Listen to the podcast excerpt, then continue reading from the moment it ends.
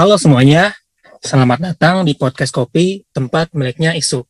Perkenalkan, nama aku Fuad Muhammad Al-Ghifari, atau biasa dipanggil Fuad, sebagai salah satu anggota dari BEM Kemas Psikologi UPI. Di sini aku bakal nemenin kalian untuk membahas isu yang sedang hangat untuk diperbincangkan, yaitu mengenai TWK atau tes wawasan kebangsaan kepada para pegawai KPK. Nah, sebelumnya aku bakal ngejelasin dulu sedikit apa itu TWK. Barangkali di antara para pendengar ada yang belum familiar mengenai TWK ini. Jadi, TWK adalah sebuah tes yang dimaksudkan untuk menguji seberapa dalamkah pengetahuan seseorang mengenai kebangsaan Indonesia yang terdiri dari empat pilar kebangsaan, yaitu Pancasila, UUD 1945, Bhinneka Tunggal Ika, dan Negara Kesatuan Republik Indonesia. Tetapi yang jadi permasalahan pada saat pelaksanaan TWK kepada para pegawai KPK kemarin itu pertanyaan yang diajukan cenderung mengarah ke ranah pribadi dan dianggap kontroversial. Sehingga membuat 51 anggota KPK terancam dipecat dan tidak lulus dalam tes wawasan kebangsaan. Hal tersebut membuat banyak anggota KPK yang melaporkan permasalahan ini kepada Komnas HAM karena diduga terjadi pelanggaran HAM dalam pelaksanaan TWK tersebut. Nah, untuk membahas isu ini lebih lanjut, aku nggak akan sendirian karena aku bakal ditemenin sama salah satu cutting aku dari Psikologi P angkatan 2017, yaitu Kang Farhan. Langsung aja kita sambut Kang Farhannya ke sini. Halo Kang Farhan. Halo, halo. Ya. Oke Kang, mungkin sebelum mulai bisa memperkenalkan diri dulu kepada para pendengar nih Kang.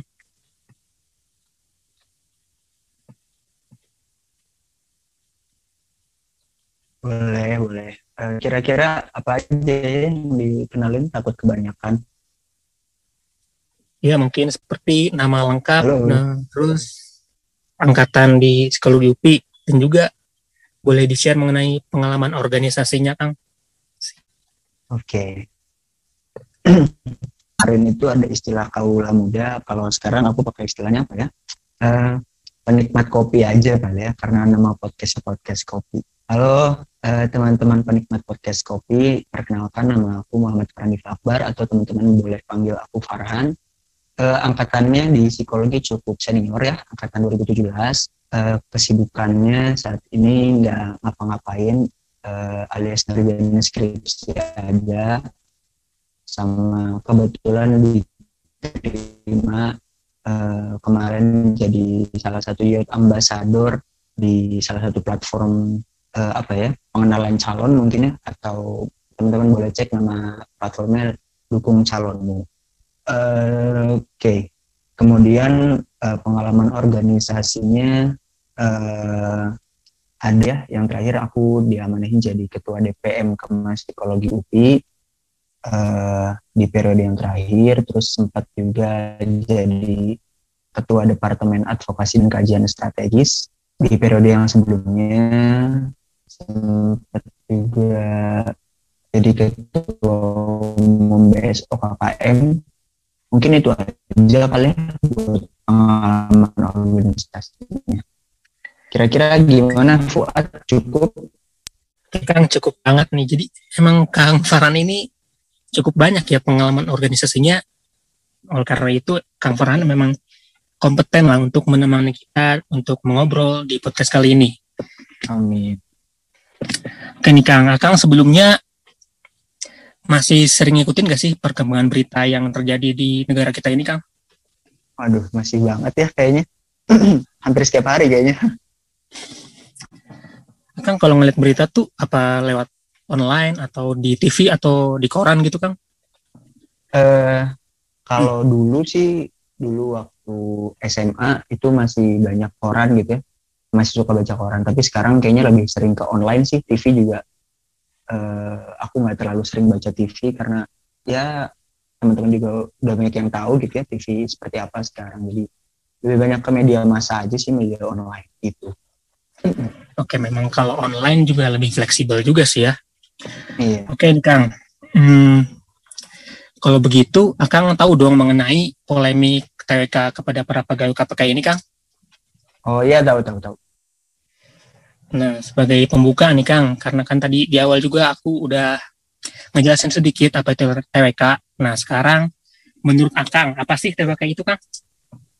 Aduh, uh, sebetulnya udah dijelasin ya tadi sama Uat. Jadi aku mau kasih uh, slogan aja kali ya buat kan ditanya nih TWK itu apa. Jadi buat aku jawaban TWK itu apa adalah hashtag berani jujur pecat. Itu aja sih jawaban aku. Oke, oke keren banget. Nah, nih Kang, uh, eh, TWK itu kan uh, merupakan tes apa ya sebagai salah satu syarat, salah satu syarat ketika seseorang ingin menjadi ASN, Kang. Nah, menurut Kang sendiri, apakah TWK ini penting nggak sih untuk dilakukan? Oke, okay. uh, eh, sebetulnya sebelum kita ke TWK-nya penting apa enggak untuk dilakukan TWK, tes wawasan kebangsaan, kita harus tahu dulu ya urgensinya apa.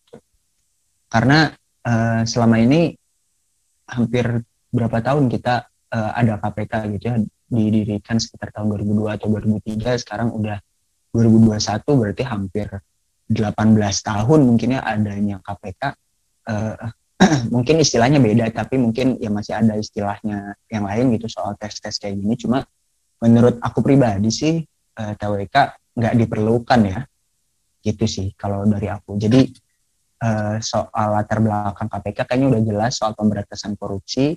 Jadi nggak perlu ada lagi tuh tes wawasan kebangsaan untuk menguji nasionalismenya ya, tanda kutip nasionalisme seorang uh, penyidik koruptor atau pemberantas koruptor gitu sih kalau menurut aku.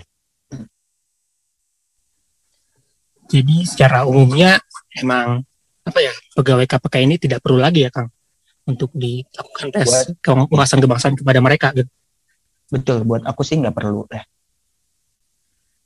Nah kang yang jadi permasalahan ini kan apa ya soal-soal yang diberikan dalam tes wawasan kebangsaan ini cenderung mengarah ke apa ya karena pribadi. Seperti ada pertanyaan yang apa ya memberikan pilihan apa apakah para pegawai ini membeli Pancasila atau apa namanya Pancasila atau kitab suci lalu ditanya pendapatnya mengenai LGBT dan lain-lain yang mungkin uh, secara pengertian ya Kang ya, secara pengertian dari TWK sendiri itu tidak bisa dibilang tidak masuk ke dalam pengertian TWK. Nah, menurut Akang apakah pertanyaan-pertanyaan seperti itu relevan apa tidak Kang terhadap apa ya terhadap pelaksanaan TWK tersebut Kang? Uh, menurut aku sih nggak relevan banget ya. Uh, karena bisa dilihat kamu juga mungkin Fuad atau teman-teman yang lain udah pernah dengar gitu atau udah pernah lihat dari beritanya langsung disuruh milih Pancasila atau Quran atau atau yang lain-lainnya lah. Kayaknya itu bukan pilihan deh. Uh, mungkin gitu kali ya jawaban singkatnya. Hmm oke oke. Nah kan akibat dari pertanyaan yang kontroversial ini banyak kan ya pegawai KPK itu yang tidak lolos dalam tes wawasan kebangsaan ini Nah, tanggapan Akang sendiri mengenai banyaknya anggota KPK yang tidak lolos ini seperti apa, Kang? Oke, okay. uh, eh, mungkin teman-teman baiknya ketika mendengarkan podcast kopi ini uh, nonton endgame-nya KPK dulu kali ya dari Watch Dogs itu bagus banget ngebuka wawasan kita banget uh, soal KPK seperti apa, kemudian pandangan buzzer-buzzer politik yang gak suka sama KPK seperti apa, ataupun tokoh-tokoh publik di Indonesia yang nggak suka sama KPK seperti apa. Jadi kalau lagi ngedengerin ini di pause dulu, nonton uh, Endgame KPK dulu aja. Karena aku itu oke. Okay. Karena nanya tanggapan ya tadi Fuad ya, tanggapan soal soal apa tadi Fuad? Soal ini ya? Soal uh, banyaknya anggota KPK iya, yang tidak lolos. Iya, yang tidak lolos tes wawasan kebangsaan. Oke. Okay. Jadi uh, kan awalnya ada 75 ya yang mau diberhentikan tapi ternyata direduksi jadi 51 yang diberhentikan dan 24 tanda kutipnya diberikan pembinaan. Nah, e, sebetulnya ini bukan yang pertama ya KPK dicoba dilemahkan oleh banyak e, oknum publik gitu ya. Sebut saja ada salah satu lembaga yang mengurusi undang-undang yang waktu tahun 2019 kemarin e, muncul hashtag e, tolak RUU KPK tolak RUU RK eh sorry tolak uh, eh, RKUHP yang dirangkum dalam satu bentuk reformasi di korupsi. Mungkin teman-teman juga udah pernah dengar gitu ya soal soal ini. Nah, uh, ini kan dari zamannya Presiden Jokowi ya. Kalau kita ulas balik ke belakang, sebetulnya KPK juga pernah hampir dilemah, pernah hampir dilemahkan sama Presiden SBY. Eh, waktu itu SBY membentuk tim verifikasi pencari fakta dari ketua dari pimpinan KPK waktu itu Bibit sama Trianto. Kalau teman-teman tahu, nah, itu kan artinya udah terjadi cukup lama ya eh, dari 2006 kalau saya nggak salah atau 2007 itu sampai tahun sekarang itu udah gapnya hampir 12 tahun lebih uh, kita selalu mencoba untuk uh, mempertahankan si lembaga KPK anti korupsi ini. Nah, tapi sayangnya masih ada uh, masih ada aja orang-orang yang memang mencoba melemahkan KPK ini demi kepentingannya sendiri. Jadi uh, kembali lagi ke pertanyaannya, tanggapan aku soal 51 anggota KPK yang diberhentikan karena tidak lolos tes TWK adalah aduh apa ya bahasa halusnya uh, useless mungkin ya maksudnya gini uh, ada salah satu buzzer politik uh, dia bilang di salah satu videonya bahwa di dalam KPK ada polisi Taliban. Teman-teman boleh searching. Ini juga ada di dikutip di salah satu di di salah satu scene di video endgame-nya KPK. Saya nggak mau sebut biar teman-teman silahkan lihat aja. buat saya ini salah satu uh, framing yang buruk ya buat KPK ketika dicoba dilemahkan secara struktural waktu zamannya SBY nggak bisa, terus waktu RUU KPK tahun 2019 kemarin uh, harusnya nggak bisa tapi ternyata tetap aja gitu ya. akhirnya dibangunlah frame seolah-olah ada radikalisme di dalam KPK nah balik lagi buat aku itu useless gitu loh karena pada akhirnya kalau misalkan uh, kita terjebak dalam framing itu kita pasti bakalan mikir oh iya ya ternyata dalam KPK tuh ada teroris gitu tanda kutipnya teroris tanda kutipnya Taliban. Bahkan uh, istilah Taliban ini dibikin lelucon, dibikin guyon sama salah satu anggota KPK yang diwawancarai di Watch Dogs itu, uh, dia bilang gini, uh, saya sih bukan Taliban, tapi saya Saliban.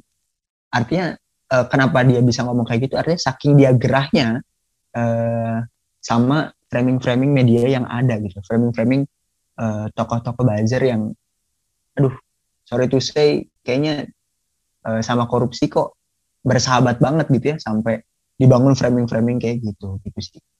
Jadi uh, TWK aja udah nggak perlu, apalagi sampai pemberhentian buat aku useless sih. Kira-kira kayak gitu ya Fuad. Oke Kang, nah Kang menanggapi pernyataan Akang tadi mengenai apa ya polisi Taliban. Nah menurut Akang apa sih yang sebagai apa sih dasar dari buzzer-buzzer itu menyebut ya pegawai KPK sebagai polisi Taliban Kang?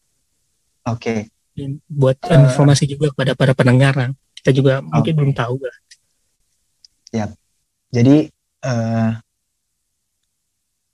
mungkin uh, apa ya landasannya mungkin waktu itu sempat banget mencuat waktu kasusnya novel Baswedan disiram air keras.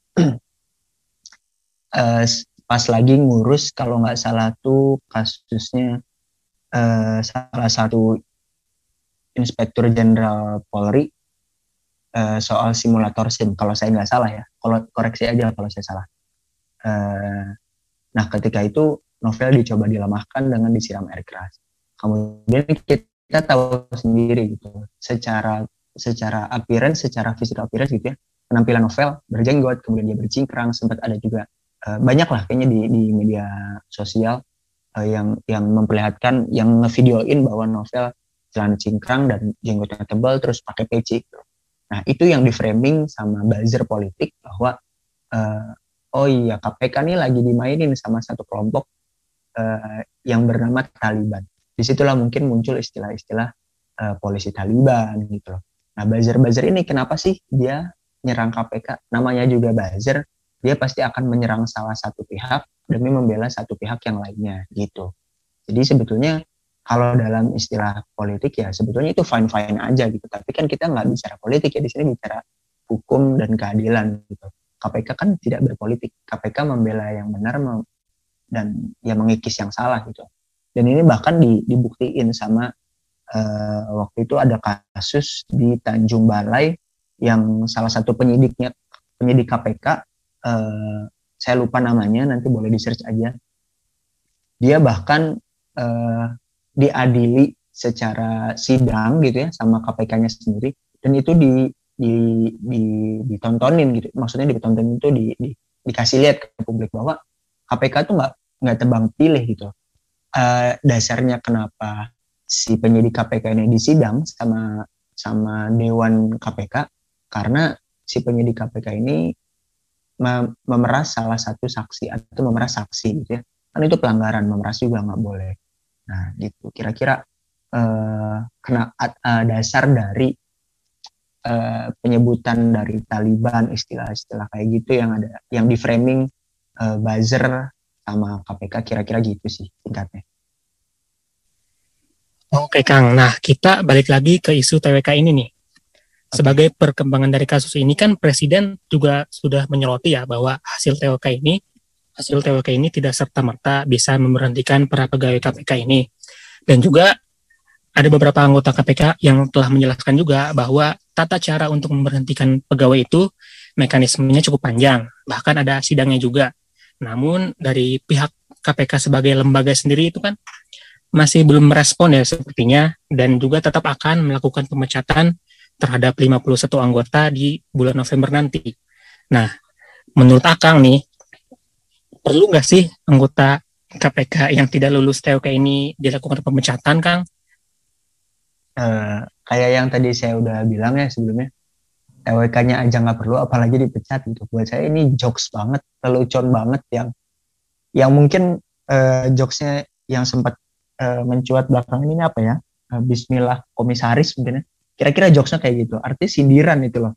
Uh, bahwa ya ngapain sih ngurusin pemecatan pemecatan anggota KPK kalau TWK-nya aja udah dianggap nggak penting gitu jadi uh, kan lucu ya ketika ada lembaga yang berwenang yang jelas-jelas berwenang kita punya kepala negara tapi bahkan sorry to say gitu buat saya uh, dia nggak terlalu care sama korupsi gitu, sama pemberantasan korupsi maksudnya. Uh, saya kasih contoh. Uh, di KPK itu ada namanya wadah pegawai KPK. Nah, apa sih wadah pegawai KPK itu? Jadi wadah pegawai KPK itu adalah uh, salah satu di uh, salah satu badan di KPK yang ngurusin perihal pegawai KPK, internalnya KPK lah. Taruhlah internal KPK. Nah, ini tuh bahkan tertuang di peraturan pemerintah nomor 63 tahun 2005. Jadi aneh kalau ada yang bilang bahwa KPK itu atau wadah wadah pegawai KPK itu informal. Ha, kenapa saya bilang aneh? Karena yang mengeluarkan peraturan kan pemerintah. Jelas dari namanya aja peraturan. Jadi seharusnya buat saya adalah uh, kita nih sebagai masyarakat, sebagai awam gitu ya, kita bisa ngingetin pemerintah. Dan pemerintah ketika sudah diingatkan dan buat saya sudah sangat banyak uh, remindernya gitu ya alarmnya buat pemerintah buat uh, nggak sekadar imbauan gitu. Buat saya kemarin ketika Presiden Jokowi uh, mengeluarkan statement 51 uh, anggota KPK tidak serta merta langsung dipecat buat saya itu cuma statement belaka gitu loh apa statement belaka kalau ternyata nggak ada peraturan pemerintah yang dikeluarkan bahkan kalau perlu peraturan presiden gitu biar lebih tegas, biar lebih konkret gitu. Jadi kira-kira gitu sih jawabannya Fuad. Oke, berarti presiden sendiri di samping memberikan pernyataan memang harus apa ya mengeluarkan kebijakan gitu ya Kang untuk mengatasi masalah ini. Iya betul dong. Ya jadinya sama aja bohong dong kalau misalkan uh, cuma ngeluarin statement tapi dia nggak mengeluarkan uh, sesuatu yang konkret, kebijakan yang konkret. Sama aja bohong sih buat saya gitu ya. Oke Kang. Nah, kan tadi di awal sudah sempat disinggung bahwa dalam pelaksanaan pelaksanaan TWK ini kan dinilai terdapat pelanggaran HAM di dalamnya. Nah, menurut Akang, apakah para pegawai KPK ini sudah tepat dengan mengambil langkah e, melaporkan kejadian ini kepada Komnas HAM, Kang? Uh, buat saya udah tepat ya, karena kita tahu sendiri bahwa uh, penegakan hukum di Indonesia, kalau saya masih, kalau saya boleh bilang gitu ya, masih ya tajam tajam ke bawah tumpul ke atas atau sebaliknya sama aja sih maksudnya tumpul ke atas tajam ke bawah. Uh, ya yang punya kepentingan lagi-lagi orang-orang yang punya kursi di pemerintahan kursi di legislatif bahkan kursi di yudikatif sekalipun nah buat saya ketika KPK mengambil langkah ke Komnas HAM yang uh, independen gitu ya uh, itu udah tepat banget. Kayaknya kelihatan ya maksudnya uh, dari pelemahan-pelemahan KPK uh, penyidik KPK yang ada kayak waktu itu novel disiram air keras. Terus ada uh, ada lagi yang sampai disiram bom molotov gitu. Ini di, di terjadi sama penyidik juga namanya Laoden Agus. Kemudian uh, bahkan saya ini saya cerita aja ya pengalaman uh, salah satu teman saya. Jadi teman saya punya ayah ya. Ayahnya teman saya ini ngurusin uh, yang berkaitan sama uh, sengketa lahan. Dan si yang punya mempermasalahkan sengketa lahan itu sebetulnya adalah uh, yang punya tanahnya. Karena dia merasa dia nggak pernah menjual lahan itu tersebut ke siapa-siapa tapi tiba-tiba ada salinan uh, salinan apa ya surat surat tanahnya mungkin ya. Dan itu uh, dipegangnya sama salah satu uh, anggota lembaga di negara di Indonesia. Dan ini berdasarkan cerita dari teman saya yang ngalamin langsung gitu ya uh, yang punya lahannya ini bahkan sampai diancam. Diancamnya bukan ke yang punya lahannya tapi ke yang ngurusin ya kayak misalkan pengacaranya. Nah itu sampai dia diserempet dia sempat ditabrak sampai dia jatuh. Jadi buat saya langkah ke Komnas HAM buat saya langkah yang cukup adil. Dari cara ngegrogotin KPK-nya aja udah cara kayak gitu. Terus dari pertanyaan-pertanyaan yang ada di TWK-nya juga uh, buat saya sangat tidak mempengaruhi kinerja ya. Uh, soal jenggot, cingkrang terus uh, itu kan pilihan-pilihan pribadi yang nggak mempengaruhi kinerja gitu kan nggak mungkin ya saya jenggotan terus kerja di KPK terus jadi tiba-tiba uh, besoknya saya nggak bisa kerja gara-gara jenggotan gara-gara uh, kinerja saya jelek kan nggak gitu gitu. Kecuali saya sakit ya itu baru bisa diperhitungkan kinerja saya. Jadi balik lagi uh, statement saya tegas langkah ke Komnas HAM ini langkah yang tepat gitu.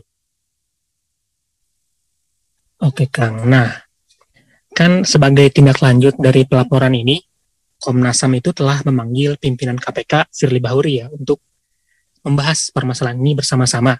Namun uh, Firly Bahuri ini mem memilih untuk tidak menghadiri pemanggilan dari uh, Komnas HAM dan justru sikap dari Firly Bahuri ini apa ya seperti mendapat dukungan dari salah satu menteri ini Kang.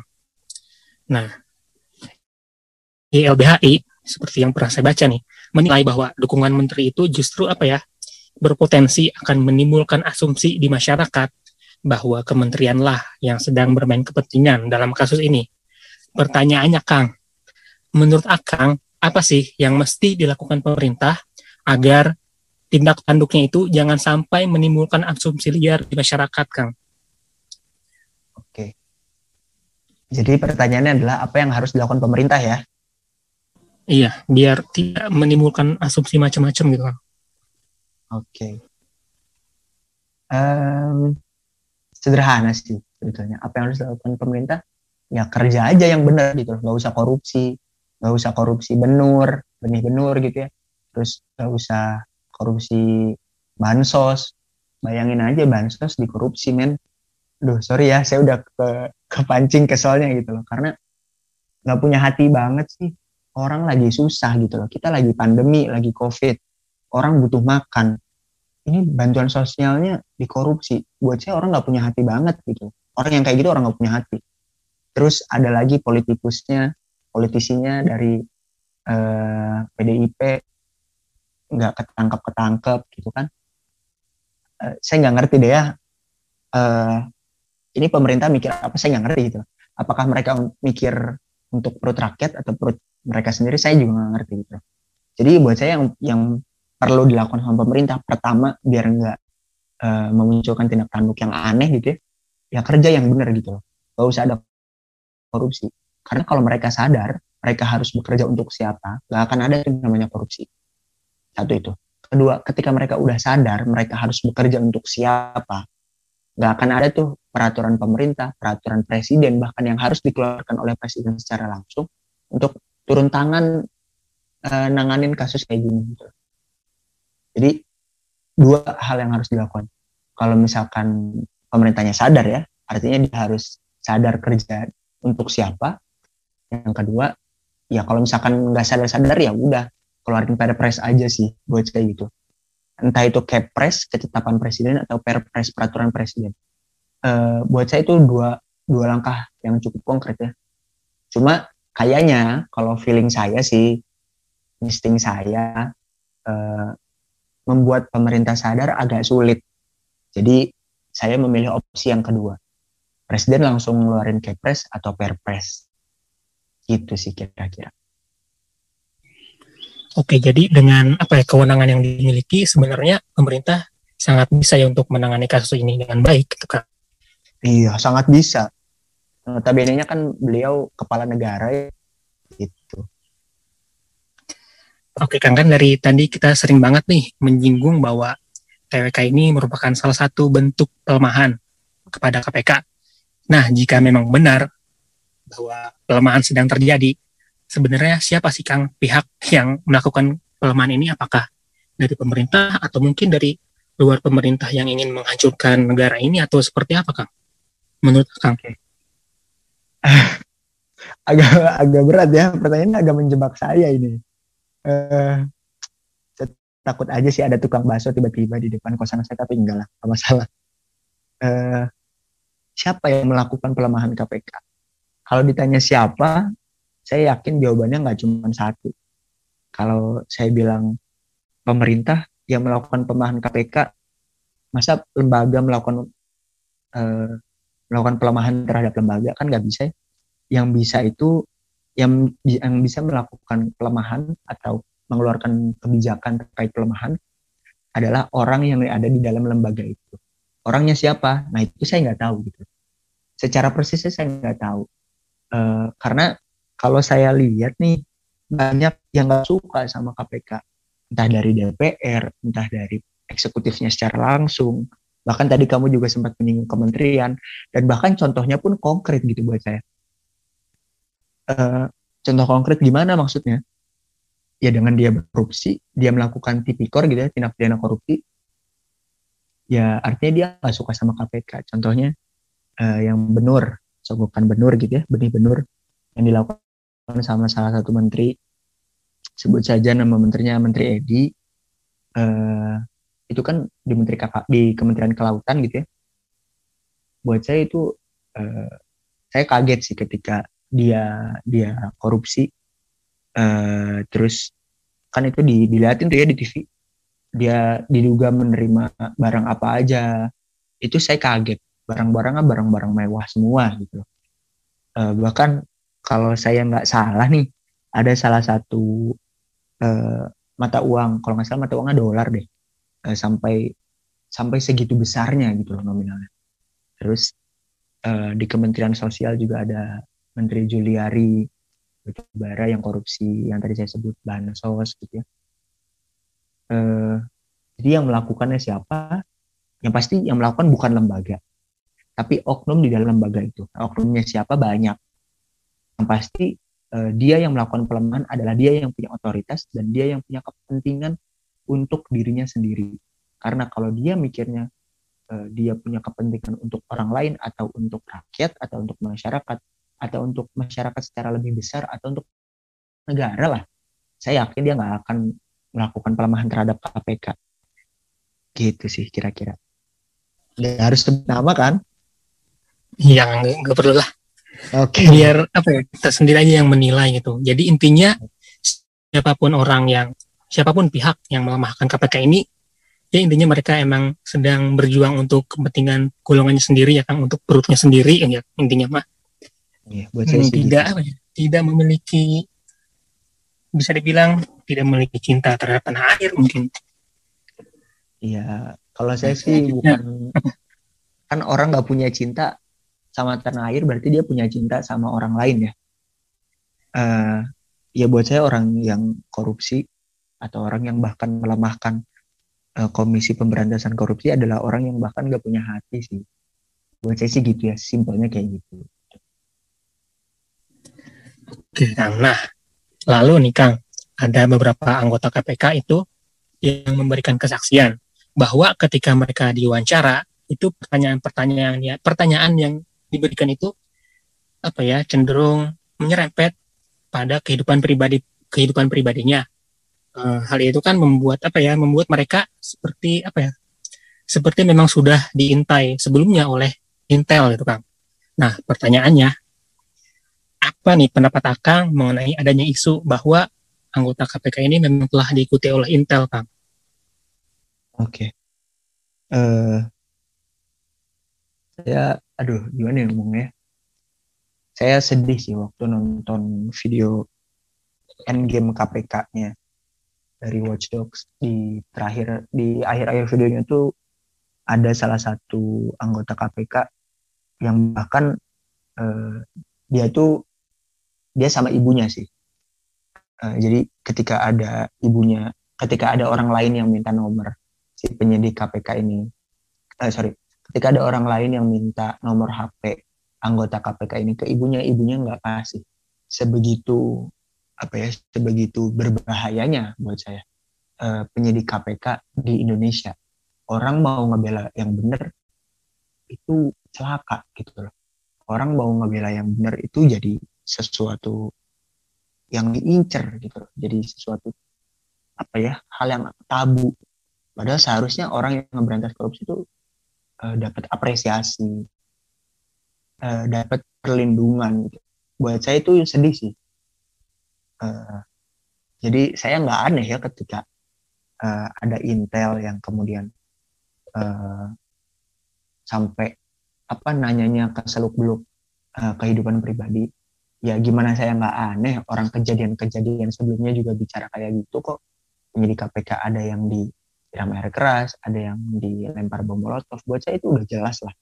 Kan nggak mungkin orang uh, tiba-tiba ujuk-ujuk beres sholat subuh gitu ya disiram air keras kan nggak mungkin gitu nggak lucu gitu loh masa iseng kayak gitu gitu kan berarti kan udah ada intel yang kayak gitu udah ada orang yang ngikutin intelnya siapa saya juga nggak tahu siapa entah dari satu lembaga atau dari uh, orang lain yang disewa lembaga saya juga nggak ngerti itu pendapat saya ya apa ya uh, ya saya sepakat sih kalau uh, di kalau ada in, campur tangan intel di dalamnya saya sepakat gitu cuma ya itu tadi saya nggak tahu intelnya apakah dari lembaga atau dari luar lembaga yang dipekerjakan lembaga atau murni dari luar.